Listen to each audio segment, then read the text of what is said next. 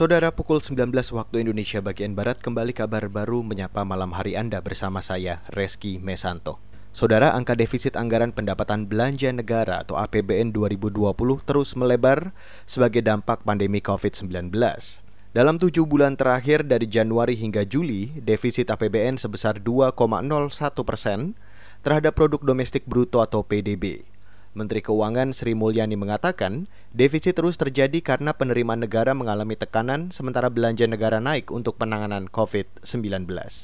Dan uh, oleh karena itu dampaknya terhadap defisit APBN uh, eh, akan sangat besar, yaitu di dalam Perpres uh, sampai akhir tahun uh, diestimasi sebesar 6,34 persen dari GDP. Sampai dengan akhir Juli defisit adalah 2 persen dari GDP. Menteri Keuangan Sri Mulyani menambahkan hingga Juli lalu, realisasi belanja negara mencapai 1.252,4 triliun rupiah atau naik 1,3 persen dibanding periode yang sama tahun lalu. Belanja negara diprioritaskan untuk penanganan COVID-19 dan pemulihan ekonomi nasional. Sementara pendapatan negara sebesar 922,2 triliun rupiah atau baru 54,3 persen dari target pendapatan negara itu tumbuh negatif 12,4 persen dibandingkan periode yang sama tahun lalu.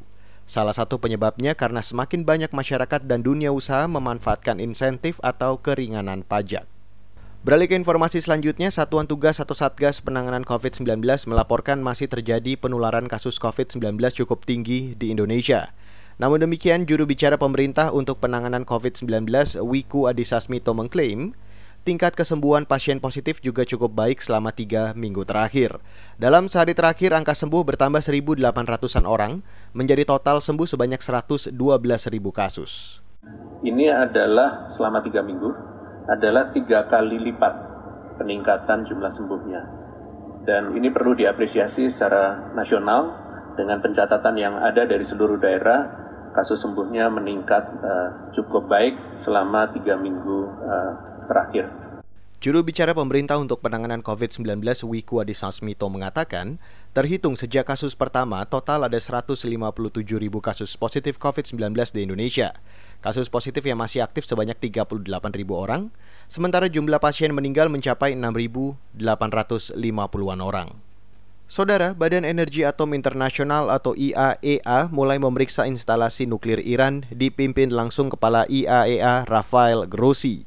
Grossi tiba di Teheran, Iran Senin kemarin. Reuters memberitakan berdasarkan keterangan pejabat senior Iran, IAEA e menginginkan akses pemeriksaan di dua instalasi, yaitu di dekat Teheran dan dekat kota Isfahan. Sebelumnya, agenda pemeriksaan fasilitas nuklir Iran mengalami kebuntuan selama beberapa bulan karena persoalan akses. Grossi mengunjungi Iran setelah sebelumnya Amerika Serikat mendorong Dewan Keamanan PBB untuk memperlakukan kembali internasional terhadap Iran. Sanksi terhadap Iran sebelumnya dicabut berdasarkan kesepakatan nuklir Iran pada 2015. Meski keinginan Amerika ditolak sejumlah negara anggota Dewan Keamanan PBB lain seperti Rusia, Tiongkok, Inggris, dan Perancis. Demikian kabar baru KBR saya Reski Mesanto.